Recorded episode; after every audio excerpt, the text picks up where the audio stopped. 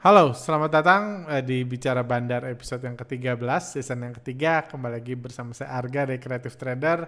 Senang sekali bisa kembali buat podcast setelah saya seming eh, satu bulan eh, bahkan sedikit lebih eh, liburan. Saya banyak ke, ke banyak kota di Indonesia. Dan eh, akhirnya dua hari yang lalu saya mulai lagi kembali ke market, kembali bekerja dan mulai mengamati kondisi market yang sudah cukup banyak berubah dari sebelum saya berlibur kemarin. Dan eh, juga selama saya berlibur banyak sekali pertanyaan yang masuk eh, tentang pergerakan eh, IHSG, tentang kebijakan penutupan mata investor retail. Eh, apa ya part kedua yang diberlakukan 27 Juni lalu dan juga tentunya tentang bearish market bearish di bursa-bursa dunia juga di IHSG dan aksi jual investor asing besar-besaran yang membuat IHSG turun pasca investor lokal ditutup matanya sepanjang jam market. Jadi hal-hal itu yang akan saya jawab. Oke, langsung mari aja kita mulai kebebasan bandar dan hukum tertinggi kita mungkin bisa nggak suka cuma ya kita nggak punya suara apa karena memang bursa ini sepenuhnya dikendalikan oleh bandar Oke, uh, podcast kali ini saya kasih uh, judul Lokal Buta, Asing Pesta, dan IHSG Terlunta-Lunta.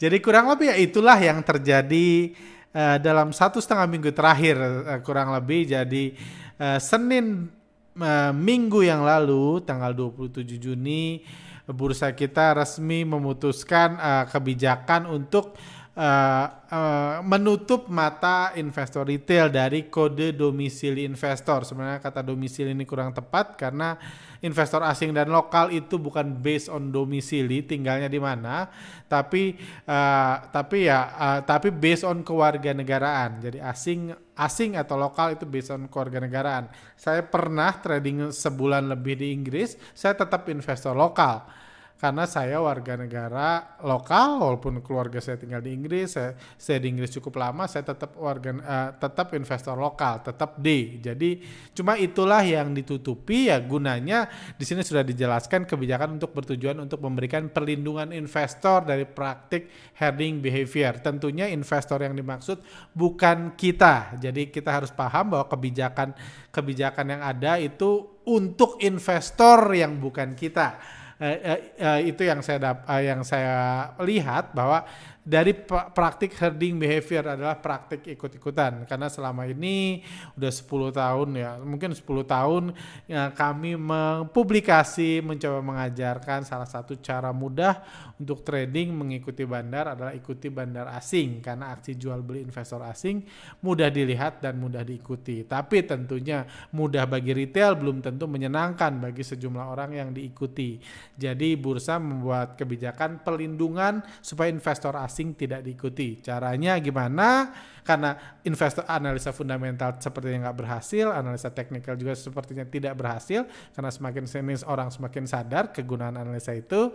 Uh, jadi mau nggak mau investor lokal harus ditutup matanya sepanjang jam market kayak gitu. Jadi penutupan kode domisili ber, uh, dilakukan enam bulan setelah penutupan kode broker. Ini yang, ini yang kedua. Jadi itulah yang terjadi. Jadi sekarang uh, kita nggak bisa lagi lihat asing net buy berapa pagi-pagi, siang-siang net sell berapa. Kalau IHSG naik, asingnya beli atau jual, kita nggak bisa lagi karena mata investor retail resmi ditutup untuk melindungi investor asing dan mempermudah penyerapan dana investor lokal supaya bisa dibawa pulang oleh investor asing di bursa kita.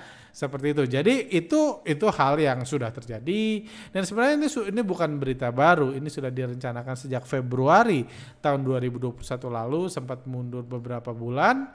Cuman akhirnya sekarang diberlakukan seperti itu. Dan saya pribadi nggak kaget dan memang ya sudah prepare dengan kondisi ini. Walaupun jujur dulu saya kira uh, kode asing lokal itu akan ditutup sepenuhnya itu yang cukup membuat saya excited karena kami sudah punya penggantinya tapi ternyata tidak ditutup sepenuhnya tapi justru ditutup pas jam market aja sama seperti kode broker. Tapi ya itu uh, terbukti uh, cukup berhasil melindungi investor asing memberi kemudahan investor asing untuk menyerap uang investor lokal. Uh, seperti kita kita karena mata kita ditutup tentunya akan lebih mudah uang kita diserap oleh investor asing karena mata kita ditutup apalagi yang nggak hati-hati dan kurang pemahaman tentang pergerakan investor asing. Jadi kita lagi sibuk ngeliatin laporan keuangan, sibuk ngasih nama candlestick, sibuk ngegaris-garis, uang kita diambil sama asing karena mata kita ditutup. Kita nggak tahu asing lagi menyerap uang kita. Kayak gitu. Jadi itu memang ini dan terbukti setelah kebijakan itu berlangsung tanggal 27 Mei, Juni, 28 Juni, 29 Juni, 30 Juni, 1 Juli, dan 4 Juli selama enam hari berturut-turut IHSG terus turun. Investor asing terus jualan. Jadi ini benar-benar euforia pesta yang dilakukan investor asing yang uh, dilancarkan investor asing menyerap uang lokal sebanyak-banyaknya ketika mata kita sudah ditutup. Itu realita yang ada. Itu sebagai trader sebagai businessman saya menganggap trader itu businessman investor yang melihat peluang ya kita hanya bisa menerima aja bukan cuma kita kok yang kadang-kadang ada kebijakan yang merugikan kita sebagai businessman kadang-kadang pajak dinaikin kadang-kadang pelarangan ini kadang-kadang pelarangan ini dan lain-lain itu realita yang ada nggak semua peraturan dibuat untuk keuntungan kita, apalagi kalau kita rakyat kecil rasanya sulit kita berharap seperti itu. Cuman bukan berarti uh, rakyat kecil nggak bisa menjadi besar, tapi kita harus punya kemampuan beradaptasi. Kita harus punya kemampuan berhubungan dengan para penguasa dan menyenangkan para penguasa-penguasa, pemain-pemain besar atau mengikuti strategi mereka terlepas dari kebijakan-kebijakan perlindungan-perlindungan yang diberikan pada investor asing. Seperti saya pribadi, saya udah nggak kaget walaupun ya sebenarnya sebelum saya liburan di awal Juni lalu, saya sebenarnya sudah sempat tanya-tanya. Gimana nih? Jadi nggak? Kan harusnya bulan Juni memang kayak gitu. Jadi nggak, cuman nggak ada kepastian di awal Juni. Lalu nggak ada kepastian ditutup atau enggak kami cuma prepare tapi ya, ya saya berharap ya ntar liburan nggak harus banyak, pulang liburan nggak harus banyak berubah. Tapi ternyata ini kebijakan yang tiba-tiba di, eh, dikomunikasikan langsung dalam 3-4 hari setelahnya mata investor retail langsung ditutup Nah, seperti itu. Cuman ya kita hanya beradaptasi saja seperti itu. Dan uh, uh, pasca penutupan itu kita lihat IHSG langsung rontok selama enam hari ya, enam hari. Satu, dua, tiga, empat, lima, enam hari berturut-turut tanggal 27 Juni sampai uh, tanggal 4 Juli, enam hari berturut-turut sejak penutupan mata investor retail asing terus dijualan, kita lihat di sini dan IHSG terus rontok. Dan ini kalau saya lihat di forum-forum, di grup-grup ini memberikan apa ya? ketakutan yang lebih, ketakutan yang lebih para bagi para investor lokal. Karena ya tentunya nggak enak banget kan pertama-tama trading yuk lu sekarang mata ditutup ya gitu. Mata ditutup tentunya ada rasa ketakutan yang dimiliki para investor lokal karena sekarang trading matanya harus ditutup. Kita nggak bisa lihat lagi investor asing nggak bisa ngikutin lagi investor asing di jam market matanya harus ditutup tentu ada ketakutan. Dan ketakutan itu diiringi sejak mata kita tutup kita digebugin sama investor asing. IHSG dibanting asing terus jualan. Jadi itu tentunya sesuatu yang sangat tidak nyaman dan memberikan uh, ketakutan trauma kepanikan bahkan kemarahan tapi ya marah nggak ada gunanya, nggak membuat kode uh, nggak buat kode broker dibuka, nggak buat investor asing dibuka, uh, kode asing dibuka, nggak. Karena ini bukan karena kemarahan anda atau kebahagiaan anda, cuma kita harus beradaptasi itu aja sih. Dan kalau anda lihat, uh, jadi uh, uh, IHSG sebenarnya kalau anda lihat di sini IHSG memang jatuh di sini asing jualan satu triliun satu kalau nggak salah tiga hari pertama mata investor retail ditutup ya HSG jualan satu triliun satu triliun eh investor asing menyerap uang lokal satu triliun satu triliun satu triliun. Tapi setelahnya setelahnya kita lihat IHSG dibanting dua kali turun signifikan di sini dan di sini dan outflow asing nggak besar dalam dua hari dua hari tersebut. Hari Jumat minggu yang lalu dan hari Senin minggu ini IHSG nggak turun banyak. Jadi eh, itu sebabnya saya uh, saya Senin saya nggak bisa trading karena banyak kejadian yang terjadi di masa liburan yang membuat uh, saya uh, ini banyak sekali yang harus diurus uh, dari ganti HP dan lain-lain kayak gitu.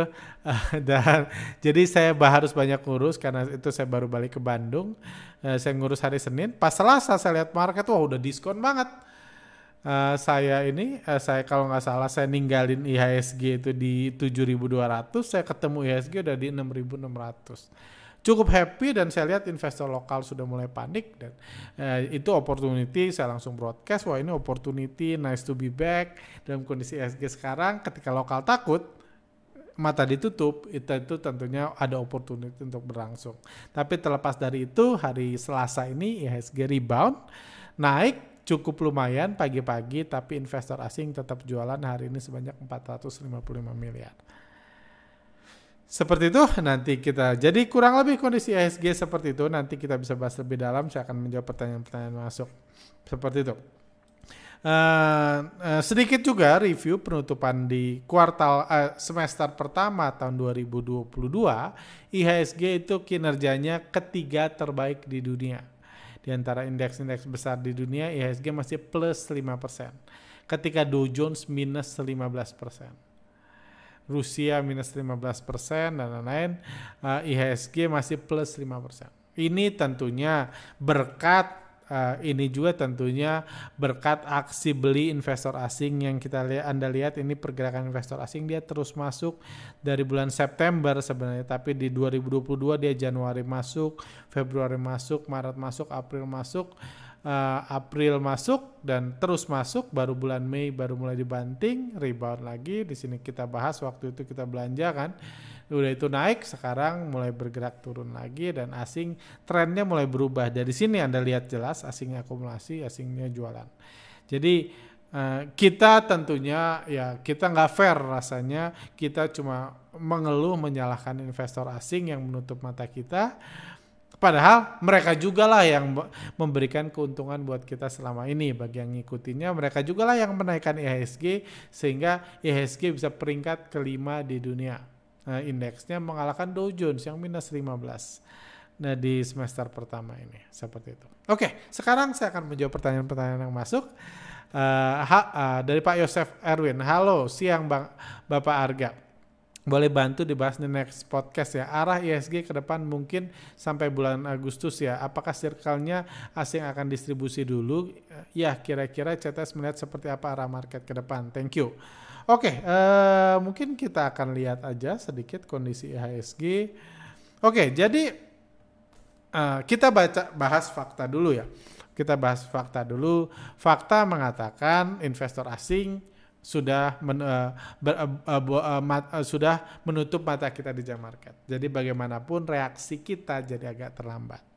Tapi syukurnya adalah uh, uh, pergerakan asing, bandar asing itu relatif lambat. Seperti Anda lihat di sini, akumulasi di awal tahun di IHSG aja terjadi di tahun 2022 di eh, awal 2022 Februari Maret jadi akumulasinya 4 bulan. Jadi terlambat 3-4 jam mengikuti akumulasi asing tentunya nggak lama.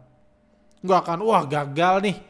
Kalau Senin jam jam 12 nggak ikut udah selesai Senin jam 2 udah distribusi. Nggak seperti itu. Asing bergerak mengakumulasi dalam jumlah besar mendistribusi dalam jumlah besar. Jadi artinya apa? Asing akumulasi di sini anggaplah 4 bulan. Kalaupun dia mau mendistribusi sebanyak yang sama, Januari, Februari, Maret, April, dia butuh waktu kurang lebih 4 bulan. Dan kita bisa mengatakan distribusi asing yang serius baru mulai di bulan Juni ini. Ini ada kepanikan, keanehan market yang kita dapat opportunity-nya. Di bulan Juni ini kita lihat baru asing konsisten jualan. Itu faktanya. Jadi kalau asing mau jualan terus dia masih untuk menghabiskan barang dari 2022 aja saya yakin butuh waktu minimum tiga bulan. Kita baru di satu bulan pertama jadi masih ada dua bulan lagi kalau dia mau menghabiskan. Tapi ingat asing mah bebas dia nggak harus menghabiskan seperti itu. Itu pertanyaannya. Jadi apakah ini circle asing distribusi dulu? Yes, itu fakta. Itu bukan komentar, itu fakta asing sedang profit taking. Kenapa asing profit taking ya sederhana karena asing mau duit orang uang lokal. Duit orang lokal jadi asing bisa profit taking itu ini. Jadi itu benar sedang terjadi. Kita nggak tahu kap, sampai kapan asing distribusi, uh, tapi uh, ya kita tinggal tunggu aja, tunggu asing mulai masuk lagi, mulai inflow lagi. Di situ baru kita mulai pikirkan. Terus uh, gimana CTS melihat nya seperti apa arah market ke depan. Saya punya pendapat yang selalu sama tentang IHSG. Ketika asing dalam kondisi masuk, berapapun IHSG, gimana pun kondisi dunia, gimana pun kesedihan kita akan kesulitan-kesulitan di Ukraina, Amerika dan lain-lain, empati kita, saya selalu akan berpandangan IHSG akan bergerak naik. Sesederhana itu. Ketika asing akumulasi, mindset saya adalah IHSG akan terus bergerak naik.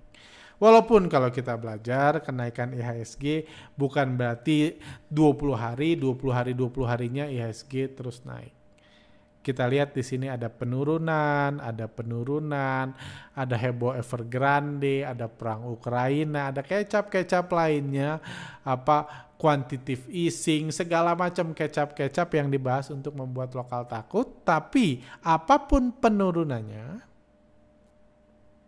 ketika asing masuk, pandangan saya, apa pun alasannya, ketika asing terus masuk seperti ini, view saya terhadap IHSG akan terus naik.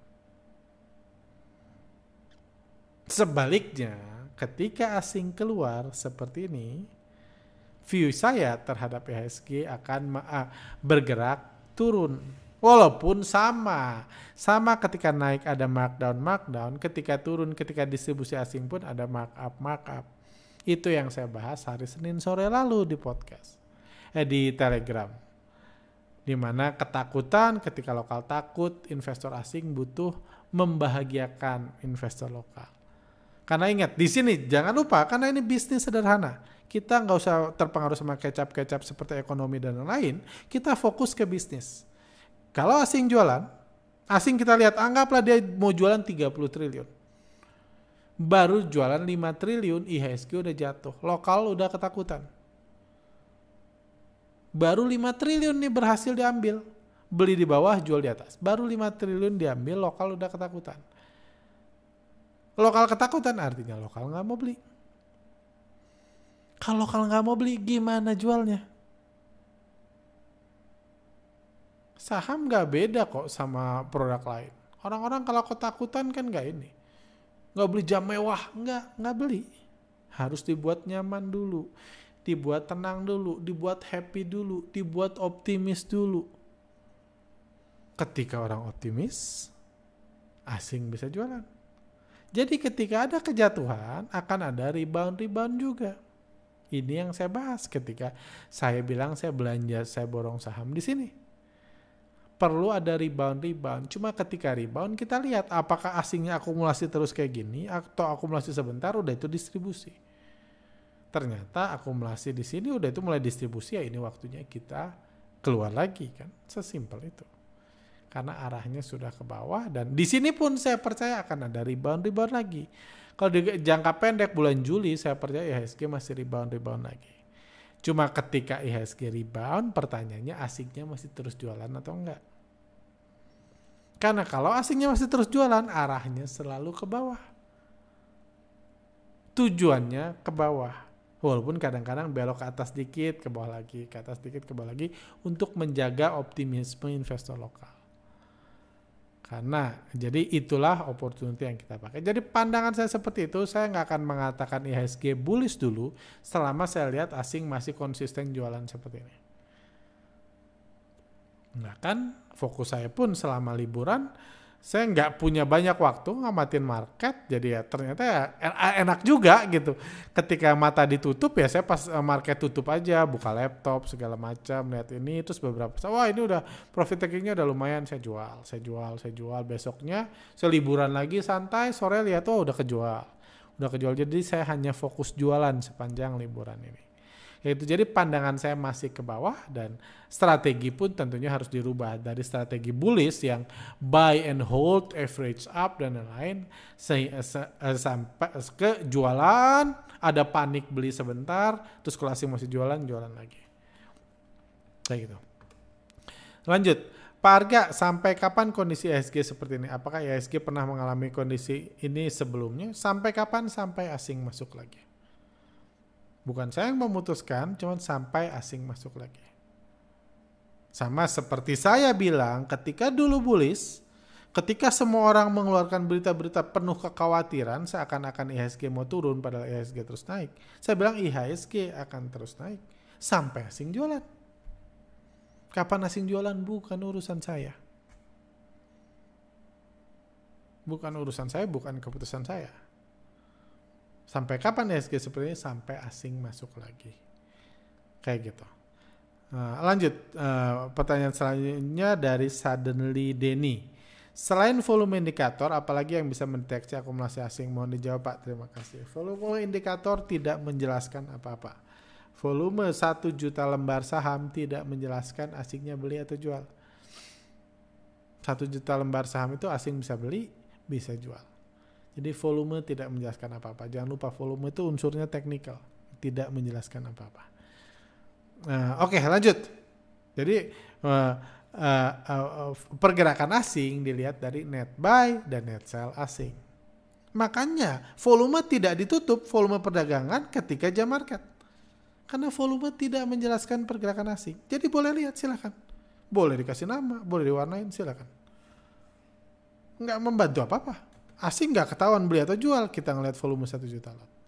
Jadi volume nggak ditutup, laporan keuangan nggak ditutup, candlestick nggak ditutup. Itu eh, karena sudah terbukti itu hanya merugi nggak akan merugikan bandar hanya merugikan penggunanya.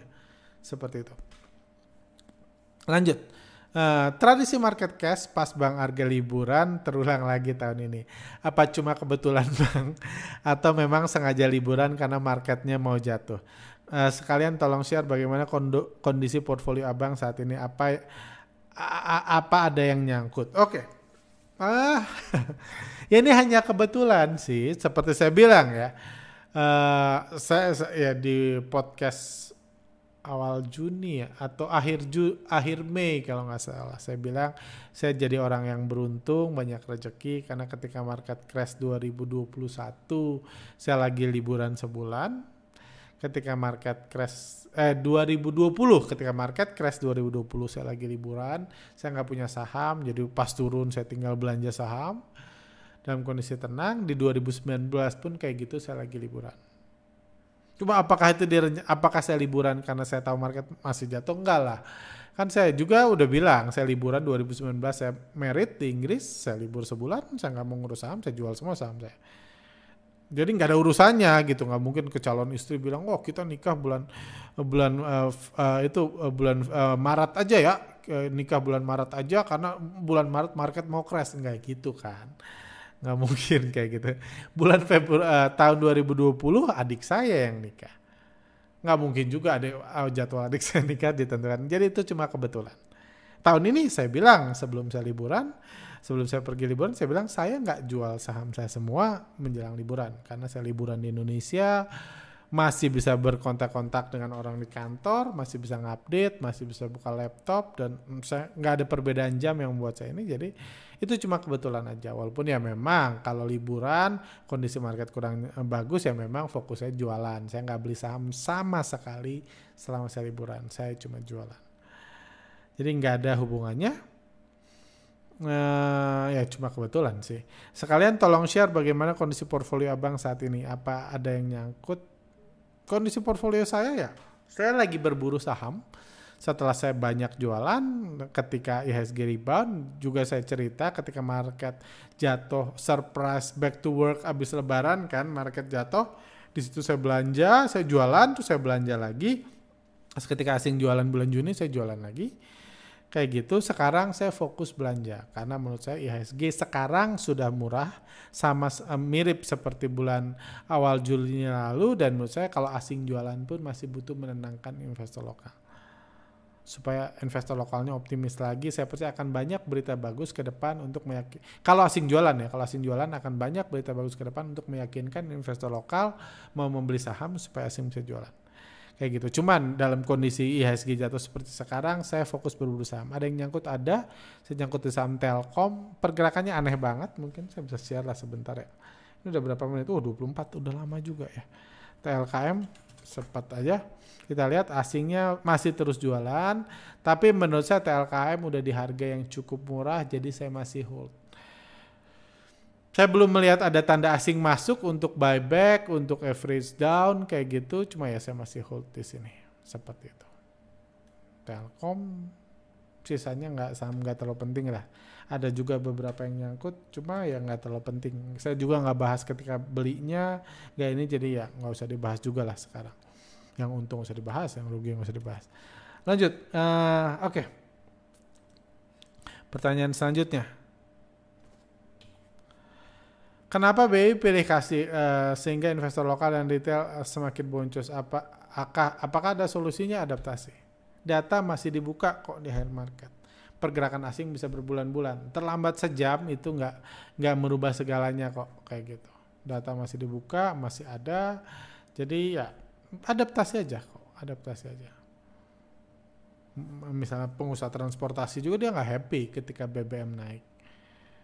Cuma bukan berarti ketika BBM naik dia harus mundur, harus bubar, harus berhenti berusaha kan nggak juga. Begitu juga dengan saham kok. Ada enggak kekhawatiran Pak Arga setelah mata retail ditutup foreign flow? Kalau jujur enggak sih kalau saya. Saya sebagai trader sih nggak khawatir ya, mak. Karena saya lihat ya datanya masih ada. Sekarang penggunaan foreign flow lebih sedikit, investor asing bisa untung tambah banyak. Dan kalau investor asing untung tambah banyak, saya berharap saya pun bisa untung tambah banyak. Sebagai trader nggak ada kekhawatiran. Walaupun uh, saya harus akui kalau Anda ngomong saya sebagai trainer, ya ada kekhawatiran kekhawatiran pemi, uh, peminat foreign flow berkurang kayak gitu, jadi workshopnya sepi dan lain-lain ya. Ya saya mau nggak mau saya punya dua profesi kan. Di situ sih memang ada sedikit kekhawatiran, tapi saya rasa hanya sementara aja kok. Uh, sementara aja lama-lama pun orang sadar kok kayak gitu sadar bahwa ya yang menentukan foreign flow kayak gitu. Kalau IHSG saham blue chip ya foreign flow lama-lama sadar. Cuma ada itu ya, kalau kalau secara trading enggak sih kayak gitu. Enggak kekhawatiran karena mungkin saya dulu sempat khawatir tapi itu Februari tahun lalu. Tahun 2021 sekarang udah Juli 2022 kalaupun dulu saya sempat khawatir udah hilang udah lama hilang kekhawatirannya. Sebagai trader saya kesulitan trading dan udah pengalaman juga kan kode broker ditutup ya adaptasi nih malah saya excited uh, lihat project-project baru segala macam. Karena trading jadi nggak menghabiskan waktu sebanyak dulu seperti itu. Tolong analisa BBR di bulan Juni. Saya ikut pas CTS bilang beli nggak sempat jual pas naik dan sekarang nyangkut BBRI saya sih sudah jualan kan kita lihat BBR asing jualan besar. Uh, setelah ini sempat rebound kan, setelah jatuh sempat rebound, ada peluang di sini di mana harga naik tapi asing nggak belanja, ada artinya markup, saya itu asing jualan lagi. Kalau dibilang saham ini menarik sama seperti ASG, saham ini menarik kalau Anda beli di sini. Kalau Anda beli di sini, cuma kalau saya dalam kondisi nyangkut, saya memilih nggak average up, Uh, kecuali memang baru belinya sedikit banget, modalnya banyak masih banyak untuk average average down. Karena saya expect kalaupun rebound mungkin mungkin asing masih lanjut jualan, cuman menyenangkan lokal aja. Yang pasti trennya sudah berubah dari akumulasi ke distribusi. Jauh lebih gampang kita masuk dalam fase akumulasi karena arahnya ke atas. Ini distribusi Anda lihat dari sini arahnya ke bawah kan. Walaupun ya saya percaya akan ada rebound-rebound seperti ini di BBRI seperti itu. Langsung dah saya ini. Apakah ISG bisa ke 8000 sampai akhir tahun ini bang? Amin saya aminkan. Cuman selama sing jualan saya nggak akan memprediksi ISG naik arah ISG ke atas. Kayak gitu. Dari Pak Budi forward ditutup broker ditutup jadi ilmu bisa dipakai tarik tarik garis ya bisa tarik garis bebas sih uh, karena nggak merugikan siapa siapa pasti akan selamanya kita bisa tarik garis kalau candlestick ditutup ya buat garis di meja, di kertas, di rumah kan bebas. Nggak, ini kok nggak akan merugikan siapa-siapa. Mengapa asing terus borong tapi sahamnya terus turun eh, seperti saham pegas yang saya amati? Kalau eh, saya nggak nggak usah ngomong di pegasnya, cuman kalau sahamnya di bandari asing, asing borong, Eh, sahamnya di bandara asing, kepemilikannya dikuasai asing, partisipasinya asing, asing borong dan harga turun itu opportunity. Sama seperti kita bahas IHSG aja lah ya, kita nggak usah ngepom-pom saham. Misalnya IHSG Anda bisa bertanya kan di sini misalnya. Kenapa asing belanja IHSG turun? Kenapa asing belanja IHSG turun? Jawabannya asing belanja IHSG turun itu opportunity, kesempatan beli. Bukan waktunya Anda pusing mikirin kecap-kecap, resesi, utang di Cina dan lain bukan. Itu opportunity. Jadi kalau sahamnya di bandari asing sama seperti IHSG yang dikuasai asing, harga turun asing belanja itu opportunity. Kira-kira berapa outflow di ISG yang bisa dikatakan distribusi besar? Ter tentunya distribusi besar itu tergantung penurunannya ya kayak gitu. Jadi kalau penurunannya cuma setengah, uh, penurunnya 0,2 persen, asing jualan 500 miliar itu udah cenderung besar. Penurunan setengah uh, uh, atau penurunan uh, asing jualan satu triliun, IHSG cuma turun setengah persen itu distribusi besar jadi tergantung ya. Cuma kalau IHSG turun seperti itu hari uh, Senin lalu IHSG turun dua setengah persen, asing cuma jualan 500 miliar, tentunya itu distribusi yang kecil. Itu yang saya bahas di podcast. Itu yang saya bilang saya buat IHSG menarik kayak gitu. Karena artinya apa? Kalau IHSG turun begitu dalam, asing nggak bisa jualan banyak, artinya lokalnya mulai takut. Kalau Anda lihat di sini ya, nah kita zoom dikit aja, kita belajar foreign flow deh ya. Di sini, di sini asing oh asing jualan 802 miliar di hari pertama penutupan retail.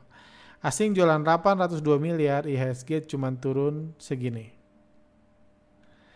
Di sini asing jualan 851 miliar, IHSG cuma turun segini. Ini besar. Di sini asing jualan satu triliun, satu triliun IHSG cuma turun segini. Ini distribusi yang besar dan penurunan IHSG kecil, jadi ini patut diwaspadai. Beda sama di sini misalnya, IHSG turun sejauh ini, uh, asing cuma jualan 571 miliar. Jadi turunnya lebih dari dua kali lipatnya, outflow-nya setengahnya. Uh, ini oh ya, ini di sini asing cuma jualan 83 miliar. Jadi as, uh, IHSG udah turun banyak, asing nggak bisa jualan banyak. Tentunya nggak menyenangkan bagi asing yang mau profit taking, harga turun tapi dia nggak jualan banyak. Harga turun nggak jualan banyak. Jadi kalau ini terjadi, itu tanda-tanda markdown. Kalau lokal sudah panik, mulai ketakutan, kita diam aja, kemungkinan akan dibawa rebound lagi. Kayak gitu. Jadi itu yang harus kita waspadai jadi besar kecil sangat tergantung ya. Kurang lebih mungkin sekarang itu besar itu saat uh, eh, IHSG yang sekarang ya bukan IHSG 5 4 tahun lalu. IHSG sa, mungkin idealnya IHSG turun 1,25 persen. Foreign flow-nya keluar 1 triliun itu wajar. Satu minus 1,25 persen foreign flow-nya keluar 1 triliun ya itu wajar. Wajar agak besar kayak gitu. 1,25 triliun. Berarti kalau satu persen ya 800 miliar lah keluarnya. Itu dibilang wajar cenderung besar. Tapi kalau di sini IHSG turun dua setengah persen asingnya cuma jualan 500 m itu kecil tentunya. Kayak gitu. Karena kalau dua setengah miliar ya dua setengah persen IHSG ya harusnya foreign flow-nya ya mendekati 2 triliun outflow-nya. Kayak gitu. Jadi harus kalau foreign flow-nya mulai mengecil uh, dibanding penurunannya tentunya itu opportunity ya. Hitung-hitung sendiri lah ya, nggak usah saya kasih rumus. Lama-lama ada kok sense-nya. Nah, saya sudah profit taking semua di saham-saham yang bandarnya asing. Apa sebaiknya pindah ke saham yang bandarnya lokal atau sabar nunggu akumulasi asing lagi? Minta petunjuk cara trading di masa distribusi asing seperti sekarang ini. Nah, ini terakhir aja ya, udah 33 uh, eh, ini, ini udah tengah malam juga. Eh uh, Eh, saya sudah profit taking di saham-saham yang benarnya asing, apa sebaiknya pindah ke saham yang benarnya lokal atau sabar tunggu akumulasi asing? Jadi uh, kalau itu pertanyaannya udah profit taking, apa, uh, profit taking di saham yang di bandar asing. Jadi saya asumsikan Anda sudah berhasil mengikuti asing dan ketika asing jualan Anda profit taking. Keberhasilan Anda di saham yang di bandar asing. Sekarang asing lagi jualan, Anda nggak kepikir beli, mungkin seperti itu kan. anda nggak nggak bisa beli lagi. Karena kan asing beli anda beli asing jual anda jual. Sekarang asing lagi jualan anda udah nggak punya saham berarti nggak bisa jual lagi kan. Sementara asing sahamnya masih banyak dia masih bisa terus jualan. Seperti itu. Jadi apakah pindah ke bandar lokal? Ya menurut saya itu sama seperti pertanyaan. Saya sudah sukses uh, jualan sepatu. Saya sudah sukses jualan sepatu uh, cuman uh, udah untung banyak jualan sepatu cuman sekarang ini uh, cuma sekarang bisnis sepatu lagi sepi apakah ini waktunya saya pindah jual, jualan donat? Saya akan bilang yakin skill anda jualan sepatu bisa dipakai di jualan donat.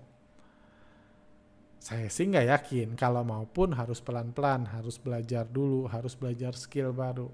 Ingat, nonton video saya tentang saus saus spaghetti itu video sebelumnya itu video yang sangat baik saya rekomend anda nonton uh, jadi jadi itu pertama jadi nggak bisa pindah gitu aja alasan karena asing nggak beli pindah ke bandar lokal kalau anda nggak punya skill di bandar lokal anda akan kesulitan sama seperti anda yang biasa trading di bandar lokal trading bandar asing sama yang di bandar asing akan ada proses adaptasi. Jadi itu beda ya. Itu dua bisnis yang berbeda sama di bandar lokal dan bandar asing. Jadi nggak disarankan keluar di asing masuk ke lokal kalau cuman itu alasannya. Kalau anda ya saya udah punya skill dua-dua ya silahkan.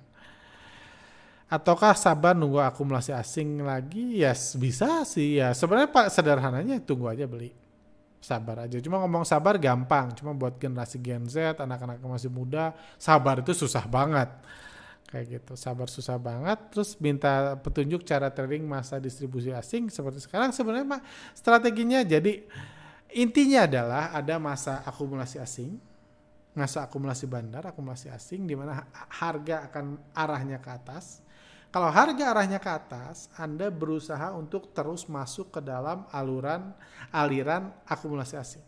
Anda masuk, hold atau average up karena arahnya ke atas. Itu yang Anda lakukan.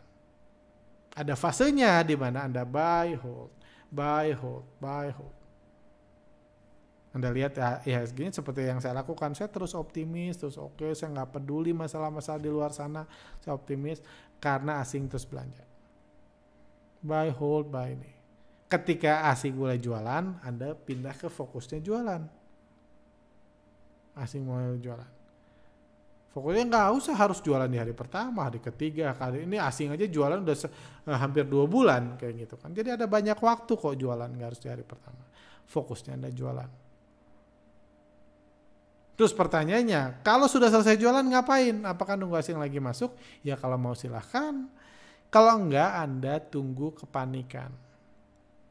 Tunggu ada kepanikan karena seperti saya bilang, ketika asing jualannya sudah mulai mereda atau su udah susah jualan, IHSG turun banyak, asing nggak jualan banyak, maka asing asing perlu menjaga perasaan retail menjaga optimisme lokal supaya uh, optimis lagi, keluarin berita bagus supaya yakin lagi. Ketika lokal yakin, dia mau beli saham, asing bisa jualan. Masa uh, opportunity menenangkan investor lokal itulah yang dicari. Tapi untuk trading jangka pendek. Karena jangan lupa ketika asing jualan, arahnya ke bawah. Anda sedang memanfaatkan rebound-rebound pendek ketika asing jualan masa-masa promosi, masa-masa mengundang investor lokal supaya masuk lagi, itu yang ada opportunity. Yang ini. Jadi itu yang dulu awal-awal saya susah untuk ganti mindset dari fase akumulasi di mana buy, hold, untung banyak, sementara distribusi mainnya cepat. Akumulasi uh, naik bentar, naik beli harus belinya cepat, naik asingnya jualan udah ikut jualan lagi. Tunggu lagi panik masuk. Jadi harus berubah Kadang-kadang kalau sudah berpengalaman biasa trader bisa tuh berubah mindset dari strategi masa bullish sama strategi masa bearish. Kayak gitu kan. Uh, itu kadang-kadang bisa kalau belum fokus di satu aja. Mau belajar silahkan tapi Anda tahu wah saya lebih bagus trading di masa bullish, trading di masa akumulasi ya udah sekarang masih beres, asing belum belanja ada istirahat dulu aja. Dan mungkin satu lagi istirahat itu penting jadi kalau anda lihat kondisi market lagi nggak nggak bagus dan lain-lain, saya nggak uh, uh, kalau anda baru profit taking, saran saya take a break aja seminggu. Kan nggak, anda nggak ngejar opportunity, nggak takut harga langsung naik kan karena lagi distribusi, anda istirahat dulu seminggu supaya lihat biar marketnya ini dulu, biar Anda tenang dulu. Karena biasanya kalau, ini pengalaman saya, biasanya kalau saya ada di market ketika kejatuhan, lagi digebugin tuh, hari ini minus satu, minus dua, minus tiga, minus empat, Anda digebugin, ketika rebound, uh, jadi misalnya uh, uh, misalnya harga dari 7.000 turun ke 6.600. Karena Anda turun setiap hari, dari 7.200 ke 6.600, 6.800 pun Anda udah anggap mahal. Karena Anda istilah Anda digebugin, Anda lelah secara mental karena market turun, portfolio merah Anda lelah secara mental. Jadi Anda nggak bisa lagi lihat diskon. Bulan lalu di 7.200, sekarang 6.800 itu opportunity, itu udah murah. Karena Anda nggak ngelihat, Anda ikut turun gitu, Anda nggak melihat dari jauh. Libur akan membantu Anda melihat dari jauh. Wis turun banyak ketika Anda refresh, Anda akan lebih uh, lebih mudah untuk mencari peluang. Itu yang saya lakukan. Saya nggak liburan untuk itu, saya liburan karena keluarga saya datang. Cuma ketika saya balik, saya punya otak yang jauh lebih fresh melihat opportunity. Ini kesempatan buat Anda. Saya beruntung kebetulan pas libur, pas jatuh. Saya beruntung. Tiga kali ya, puji Tuhan itu berkat dari Tuhan. Saya beruntung. Kalau Anda sudah jualan, Anda sekarang bisa liburan. Nggak harus liburan keluar negeri, keluar kota, nggak usah. Libur lihat market aja 3-4 hari Anda akan lebih fresh. Mudah-mudahan ketika Anda libur IHSG terus turun. Nanti kalau beli Anda udah udah refresh, udah mulai switching nih strategi di fase distribusi. Itu akan sangat baik. Itu aja sih. Itu aja. Oke. Mungkin uh, untuk podcast hari ini di sini sampai sini aja. Uh, ini juga sekaligus menjawab pertanyaan banyak yang menanyakan ke saya tentang gimana kondisi saya karena beberapa yang follow Instagram saya pribadi saya tahu saya sempat hanyut di Bali hanyut di bawah ombak di Bali dan ya kalau nggak ada lifeguard yang menolong saya nggak ada ambulan dokter yang menolong saya mungkin saya udah nggak ada saat ini ya puji Tuhan saya masih dikasih kesempatan untuk hidup. Tapi saya sekarang baik-baik aja nggak ada trauma hanya ucapan syukur masih bisa uh, hidup sehat, nggak kurang satu apa pun. Jadi saya baik-baik aja. Thank you buat doanya, perhatiannya selama ini. Oke, okay, sampai sini aja. See you next time.